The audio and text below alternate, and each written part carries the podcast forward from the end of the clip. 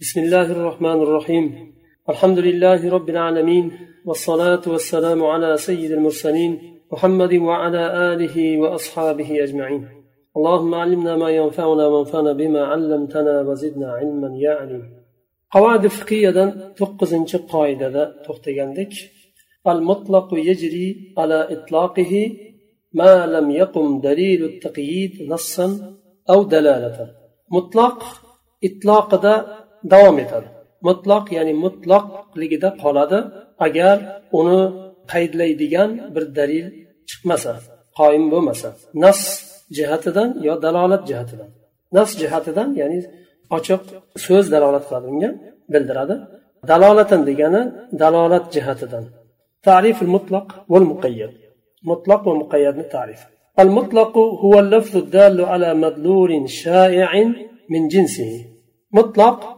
o'zini jinsida tarqalgan bir madlulga dalolat qilgan lafzdir. Masalan bir o'zini jinsida deganda rojul deganda erkak kishi rojulim deganda har qanday kishi kiradi bunga ya'ni muayyan bir kishi nazarda tutilmaydi. Rojul deganda butun dunyodagi erkaklarni har biri kiradi. Demak shu erkak jinsida tarqalgan tarqalgan degani bir muayyan emas hammasiga shu rojul degan kalima tushadi degani أو هو اللفظ الدال على فرد أو أفراد غير معين بدون أي قيد لفظي مثل رجل ورجال yoyinki mutlaq bir fardga dalolat qilgan bir shaxsga yoyinki muayyan bo'lmagan shaxslarga ya'ni muayyan bo'lmagan bir shaxsga yoyinki muayyan bo'lmagan bir nechta shaxslarga fardlarga dalolat qilgan lafziy qaydsiz dalolat qilgan kalima. Rojul deganda bitta inson tushuniladi lekin g'oyri muayyan rijal deganda bir nechta erkaklar tushuniladi lekin g'oyri muayyan muayyan emas. Tolib deganda masalan toliblarni hammasi kiradi. Tolib deganda tolib talaba jinsini hammasiga tarqaydi yoyinki shu talabalardan bittasiga g'oyri muayyan bo'lganiga to'g'ri keladi tushadi. Agar tullab deyiladigan bo'lsa toliblar deganda ilm toliblarni g'oyir muayyan bo'lgan bir nechtasiga dalolat qiladi. Afrikalik tolib desa bu afrikalik degan so'z bilan muqayyat bo'ldi. Boshqa toliblar kirmaydi endi.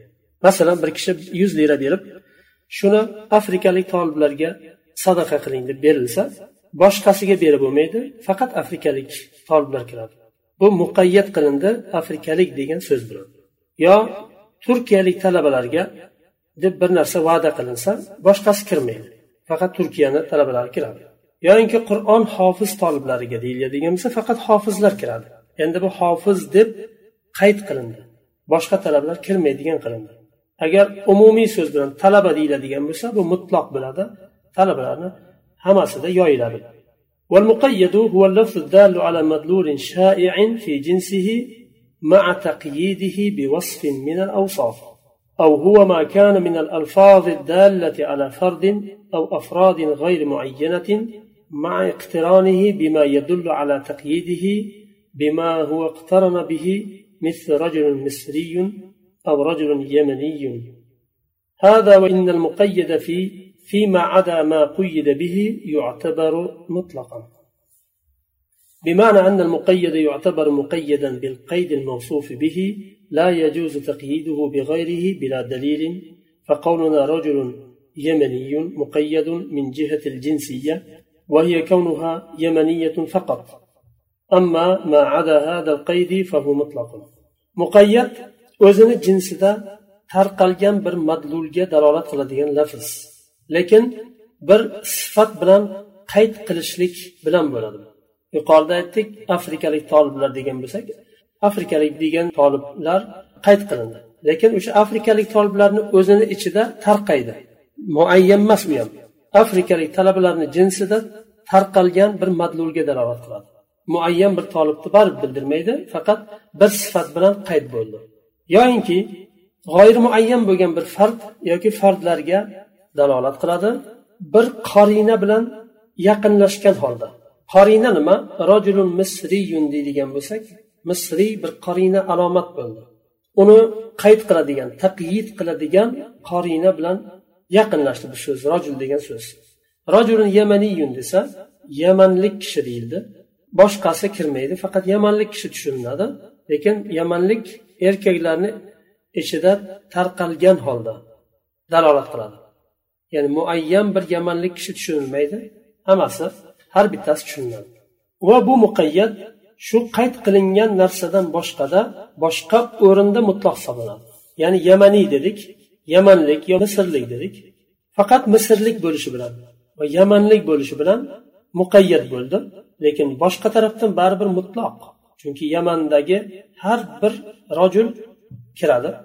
Misrlik har bir rojul bu rojul misriyin deganda bu so'zni ostida har bir misrlik erkak kishi kiradi بمعنى أن المقيد يعتبر مقيدا بالقيد الموصوف به sifatlangan narsa bilangina muqayyat bo'ladi misrlik deb sifatlandimi shu bilan yamanlik deb sifatlandi shu bilan muqayyat bo'ladi لا يجوز تقييده بغيره بلا دليل dalilsiz boshqa narsa bilan qayd qilishlik joiz emas rojul yamaniy dedik yamanlik kishi faqat yamanlik bo'lishi bilan jinsiyasi bilan o'sha yaman vatandoshi bo'lishi bilangina qayd muqayyat bo'ladi Ammo shu yamanlik kalimasidan boshqa o'rinda u mutloq hisoblanadi hukmul mutloq أنه يجري على إطلاقه فلا يجوز تقييده بأي قيد إلا إذا قام الدليل على تقييده نصا أو دلالة ويثبت له الحكم وهو بهذا الإطلاق كما في عتق الرقبة في كفارة الظهار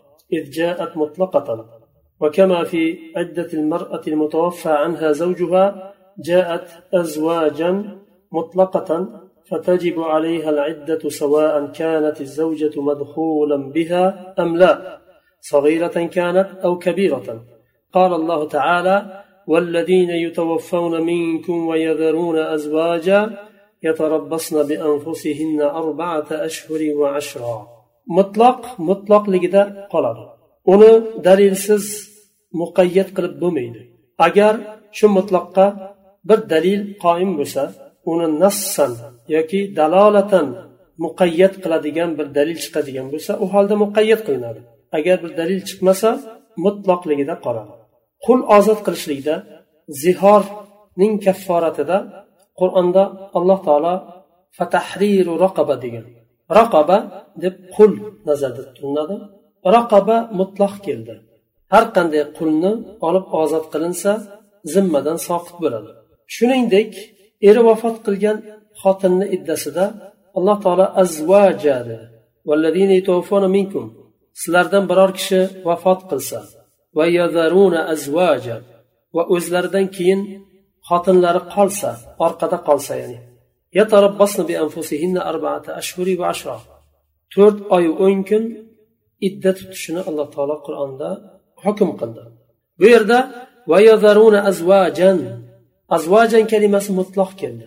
Muqayyat bo'lmadi. Har qanday xotin ayol eri vafot qilganda demak idda tutadi. Agar uylangan bo'lsa bugun uylanib turib hali oilasi bilan jinsiy aloqa qilmasdan qo'shilmasdan turib vafot qilsa bu ayol ham idda tutadi nima uchun? Chunki muqayyat qilinmadi. Qur'onda zikr qilinmadi.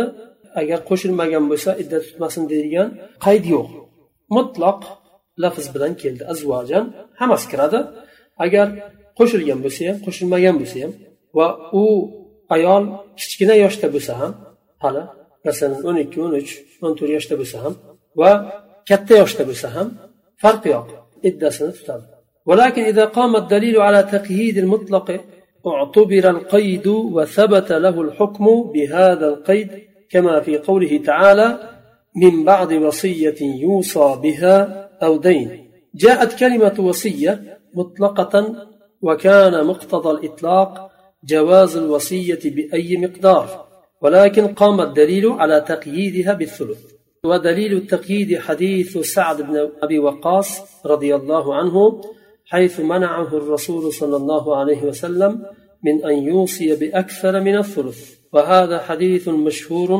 يتقيد بمثله مطلق الكتاب عند الحنفية وغيرهم مطلق مطلق لقد قال dedik agar shu mutlaqni qayd qiladigan muqayyat qiladigan dalil chiqadigan bo'lsa qoyim bo'ladigan bo'lsa u holda shu muqayyat e'tiborga olinadi va muqayyat hukmi beriladi Alloh taolo qur'onda min ba'di vasiyatin yuso biha avdayn dedi.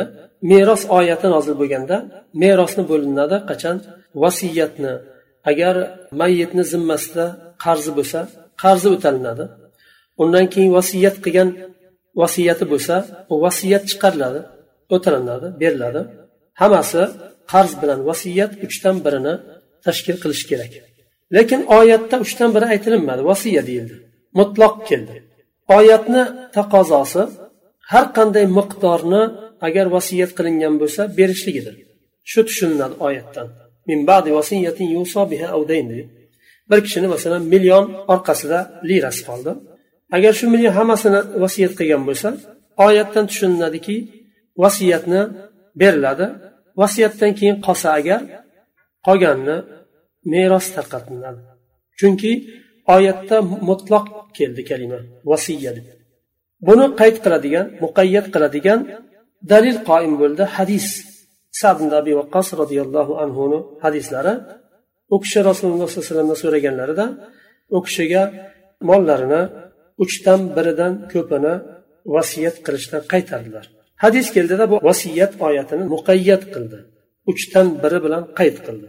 Va bu mashhur hadis bunga o'xshagan hadis bilan qur'onni mutloqini muqayyat qilsa bo'laveradi hatto hanafiylarda ham va hanafiylardan boshqalarda ham hukmul muqayyat وجوب العمل بموجب القيد فلا يجوز إلغاؤه ويثبت الحكم له بهذا القيد إلا إذا قام الدليل على عدم اعتبار هذا القيد كما قال تعالى في سياق تعداد المحرمات وربائبكم اللاتي في حجوركم من نسائكم اللاتي دخلتم بهن muqayyadni hukmi shu muqayyatni qayd vojib qilingan ya'ni qayd vojib qilingan degani mujibul qayd degani qayddan vojib bo'lgan.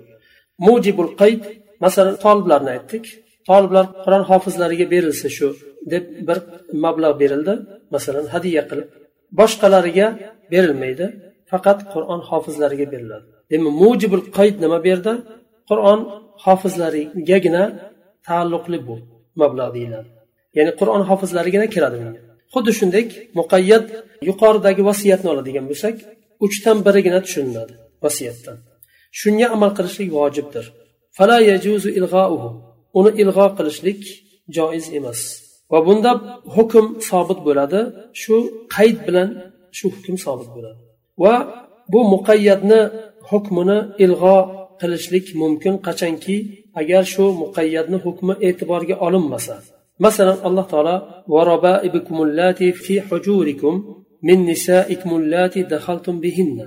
Bu yerda hujurikum e'tiborga olinadigan nima emas. Bu muqayyat sifatida keldi. Muqayyatlik tushunilishi mumkin lekin bu oyatda aksar holatda insonni masalan bir kishi bir ayolga uylandi. U ayolni uylanmasdan oldin oldingi eridan qolgan bir qizi bor edi. Bu robaib hisoblanadi. Ya'ni bu erkak oldi bu ayolni qizini tarbiyalab o'stiradi. Fi hujurikum bu ya'ni qo'ynilaringda degan mazmunda bu. Ya'ni u degani ya'ni erkak uylangandan keyin bu ayolni qizi erkakni uyida o'sadi bag'rida o'sadi. Shu oyatda shunday deyilyapti chunki aksar holatda erkakni uyida o'sadi. Lekin bo'lishi mumkin erkak qabul qilmasligi mumkin. Masalan ayolni qarindoshlariga berishi mumkin u qizni. U holatda ham ho'p bu bu holatda agar erkakni uyida o'smasa ayolni masalan otasini uyida yo akasini uyida o'sdi deylik bu qiz endi halol bo'ladimi deyilsa yo'q halol bo'lmaydi. Baribir mahram holatida qoladi. Nima uchun bo'lmasam oyatda fi hujurikum deyildi desa bu aksar holatda g'oliban erkakni uyida o'sishligini bildiradi. Min nisaikum allati dakhaltum bihinna. Bu yerda min nisaikum deb mutloq kelmadi. Allati dahaltum bihinna bilan muqayyat qilindi bundan tushuniladiki agar bir ayolga uylansa va uni ayolni qizi bo'lsa jinsiy aloqa qilmasdan oldin taloq berib ajraladigan bo'lsa ayolni qizi erkakka halol bo'laveradi. Mahram bo'lmaydi. Masalan uni qiziga uylansa bo'ladi agar onasiga taloq bersa agar qo'shilmagan bo'lsa. Shuning uchun allati dahaltum bihinna. agar qo'shilgan bo'lsa jinsiy aloqaga bo'lgan bo'lsa u ayolni qizi mahram bo'lib qoladi uylanishlik mumkin bo'lmaydi وعلى هذا فالبنت تحرم على من تزوج أمها ودخل بها yuqoridagi oyatni hukmiga ko'ra u ayolni qizi onasiga uylangan erkakka mahram bo'lib qoladi va uylanib agar qo'shilgan bo'lsa لأن حرمة الزواج بالبنت مقيد بنكاح أمها ودخول بها لا مجرد العقد عليها chunki bu qizni mahram bo'lishligi bu qizga uylanishlik mumkin emasligini hukmi qayerdan chiqdi muqayyat bo'ldi onasiga uylanishlik nikohiga olishligi va qo'shilishligi bilan faqatgina aqd nikohni o'zi bilan emas va ammo kalimatu fi hujurikum endi fi hujurikum nima qiladi فهذه ليست بقيد احترازي وإنما هي قيد أكثري لا يتقيد به اللفظ احترازي قيد deyiladi qachon agar ehtiroziy degani viqoiy degani saqlanishlik kerak bo'lgan ammo bu ehtiroziy qayd emas hujurikum aksariy hisoblanadi ya'ni g'oliban bir erkak bolalik ayolga uylanadigan bo'lsa bolasi bilan keladi ayol shu erkakni bag'rida o'sadi shu bola ehtiroziy bo'lmagan va aksariy qayd bo'lgan muqayyat bilan lafz qaydlanmaydi muqayyat bo'lmaydi shuning uchun agar ayolni qizi erkakni uyida o'smasa boshqa yerda o'ssa u holda ham mahram bo'lib qolaveradi ولا تأثير له في الحكم بدليل قوله تعالى في نفس الآية فإن لم تكونوا دخلتم بهن فلا جناح عليكم shuning uchun agar erkakni uyida o'smasa buni hukmda ta'siri bo'lmaydi o'sha o'sha mahramligida qolaveradi o'ssa ham o'smasa ham bunga oyatni davomi dalolat qiladi agar u ayolga bu qizni onasiga onasi bilan qo'shilmagan bo'lsangizlar ya'ni jinsiy aloqada bo'lmagan bo'lsanglar alaykum uni zarari yo'q agar uni qiziga uylanilsa ولو كان من قيد الحرمة كون البنت من حجر الزوج ورعايته لذكر عند شروط الحل ورفع الحرمة عند تخلف القيد وهو الدخول بالأم agar erkak uylangan ayolni qizi erkakni uyida bag'rida o'sishligi mahram bo'lishligini shartlaridan bo'lganda u shart sifatida zikr qilingan bo'lardi. Bu yerda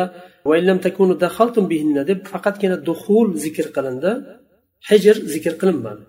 Agar u shartlaridan bo'lganda edi bu hukmga ta'sir qiladigan muqayyat nimalardan bo'lganda edi bu zikr qilingan bo'lardi oyatni davomida. Min furuil qoidati va tatbiqotiha qoidani far'lari va tatbiqotlari. Al vakilu bil bay'i إذا كانت وكالته مطلقة يجوز له أن يبيع ما لموكله بالثمن الذي يراه مناسبا قليلا كان أو كثيرا. وهذا عند الإمام أبي حنيفة لأن التوكيل بالبيع جاء مطلقة فيجري على إطلاقه وبه أخذت المادة 1494 من المجلة الأحكام العدلية حيث نصت على أن للوكيل بالبيع إذا أطلقت وكالته أن يبيع مال موكله بالثمن الذي يراه مناسبا قليلا كان أو كثيرا savdo sotiqda vakil bo'lgan kishi agar vakolati mutloq bo'ladigan bo'lsa ya'ni bir kishi boshqa bir kishini vakil qildi narsasini sotishga va shu vakolatni mutloq berdi bu holatda vakil qanday munosib deb bilsa shunday sotadi arzonroq sotsa ham qimmatroq sotsa ham shuni munosib deb ko'rdimi bozor shuni ko'taradi deb o'ylagan narxida sotadi. Bu imom abu hanifa rahimallohni mazhablarida agar arzon sotilsa ham haqqi bor chunki vakolati mutloq bo'lgan. Va shu qoidani majallatul ahkamul adliyani bir ming to'rt yuz to'qson to'rtinchi moddasida olingan.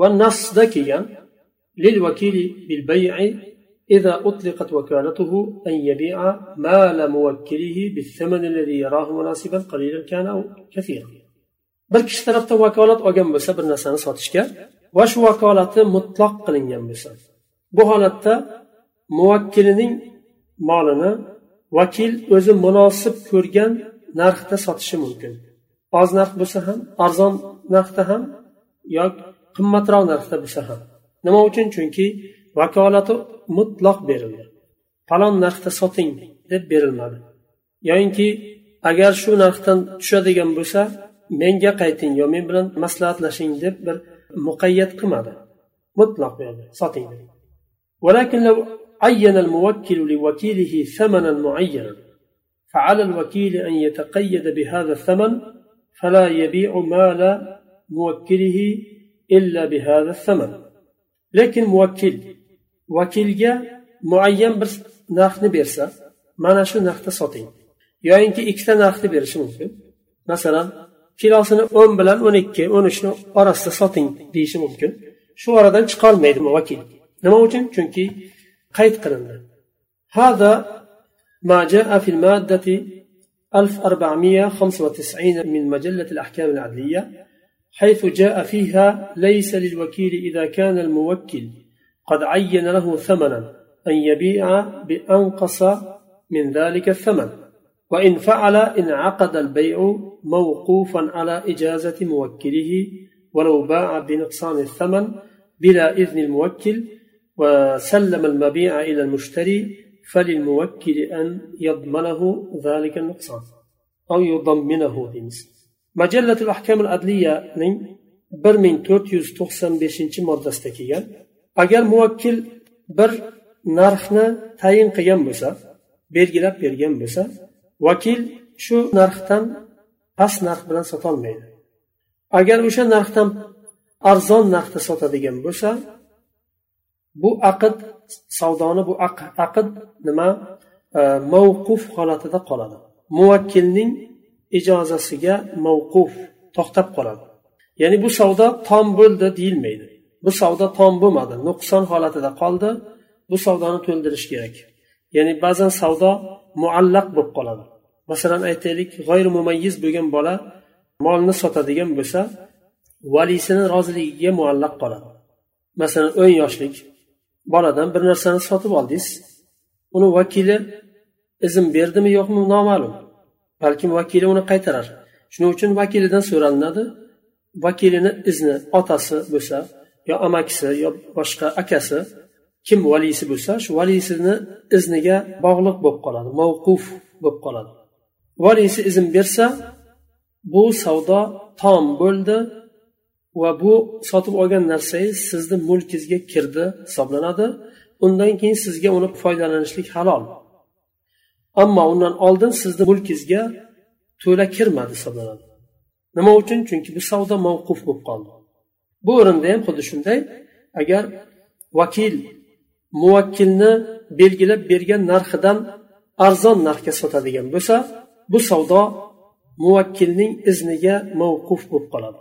Izn bersa tom bo'ladi izn bermasa tom bo'lmaydi. Agar molni sotib olgan kishiga mushtariyga taslim qilingan bo'lsa shu arzon narx bilan u holatda agar muvakkil izn bermasa rozi bo'lmasa muvakkilni haqqi bor vakilni ustiga shu narsani yuklashga masalan o'n liradan sot degan bo'lsa sakkiz liraga bergan bo'lsa ikki lirani vakildan talab qilinadi. Minhu degani domon ya'ni bo'yniga zimmasiga oladi shu nuqson. Qancha nuqson bilan bergan bo'lsa shuni o'zini cho'ntagidan to'ldiradi.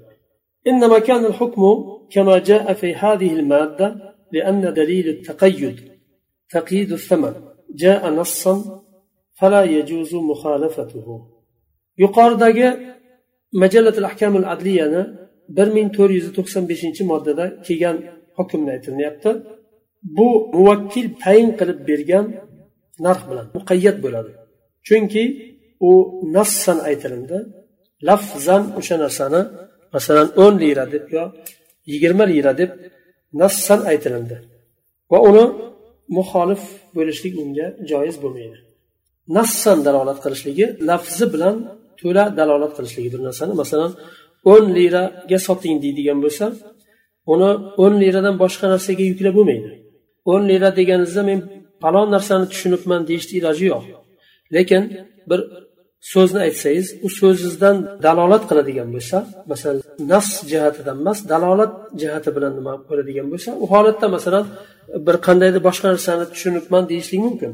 Ammo nafsda boshqa narsani tushunishlik mumkin emas. Yigirma lira deydigan bo'lsa yo o'n lira deydigan bo'lsa shu o'n liradan yo yigirma liradan boshqa narsani tushunib bo'lmaydi. ولم يبين الثمن. كان للوكيل أن يشتريه بثمن المثل أو بغبن يسير ولكن لا يجوز له أن يشتريه بغبن فاحش. وإن فعل وقع الشراء له وذلك لأن وكالته وإن كانت مطلقة إلا أنها مقيدة دلالة بعدم التجاوز إلى الغبن الفاحش. agar bir kishi boshqa bir muayyan bir narsani sotib olishga vakil qildi lekin aniq bir narxni bermadi. Shu narsani mana shu narxda sotib oling demadi. Bu holatda vakil o'sha samanul misl degani o'sha bozorda narxi qancha bo'lsa shu narxda sotib olishi mumkin. Yoyinki g'ibin yasir g'ibin bir narsada zarari bilan sotib olishi mumkin arzonroq yo qimmatroq sotib olishi mumkin. Shuni g'ibin deydi. Xato bilan sotib olishligi xato bilan deganda ya'ni narxda xato qilishlik. O'sha molni narxida adashishlik. Lekin kichkina xato bo'ladigan bo'lsa adashishlik bo'ladigan bo'lsa narxda uni zarari yo'q. Ammo fahishin fahish deb katta narsani aytadi. Katta xato bilan sotib oladigan bo'lsa masalan o'n liralik narsani yigirma o'ttiz liraga sotib oladigan bo'lsa noto'g'ri. O'n liralik narsani o'n bir o'n ikki liraga sotib oladigan bo'lsa yo yuz liralik narsani yuz o'n liraga sotib olinadigan bo'lsa yuz o'n besh liraga sotib olinadigan bo'lsa u kichkina hisoblanadi. Ammo yuz liralik narsani yuz ellik liraga sotib olinadigan bo'lsa bu g'ibin fahish deyiladi. Agar shu g'ibin fahish bilan sotib olinadigan bo'lsa kattaroq xato bilan narxda u holatda bu muvakkil emas o'zi sotib olgan hisoblanadi. Ya'ni bu aqd o'ziga sobit bo'ladi. Nima uchun? Chunki vakolati mutloq bo'lgan taqdirda ham bu yerda vakolatni mutloq berdi. Siz vakolatni menga mutloq bergandingiz. Shuning uchun shu narxga sotib oldim. Endi hujjat mani ishimni quvvatlaydi deb bo'lmaydi. Nima uchun? Chunki dalolati bormi? Sizga shu narsani sotib oling degan bo'lsa bu xato bilan sotib oling degan narsaga dalolat qilmaydi. ya'ni ozroq adashsangiz xato qilsangiz hech qisi yo'q degan ma'no chiqadi undan shuning uchun aytyapti أنها مقيدة دلالة بعدم التجاوز إلى الغبن الفاحش keyin ostida nima bergan buni hatto abu hanifa rahimaullohni mazhablarida ham hanafiy mazhabda agar vakolat mutloq berilgan taqdirda ham biroz arzon sotsa muvakkilni molini yo qimmatroq sotadigan bo'lsa qabul qilinadi agar shu vakil yolg'onchiligi bilan xiyonatchiligi bilan tanilmagan bo'lsa. To'g'ri odamga mutloq nima berilgan bo'lsa qabul qilinadi.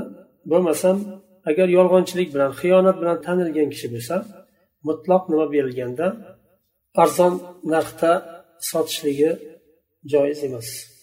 Shu yerda to'xtaymiz. Kelasi darsda o'ninchi qoidani davom etamiz subhanakallohumma bihamdik ashhadu an la ilaha illa ant astag'firuka va atubu ilayk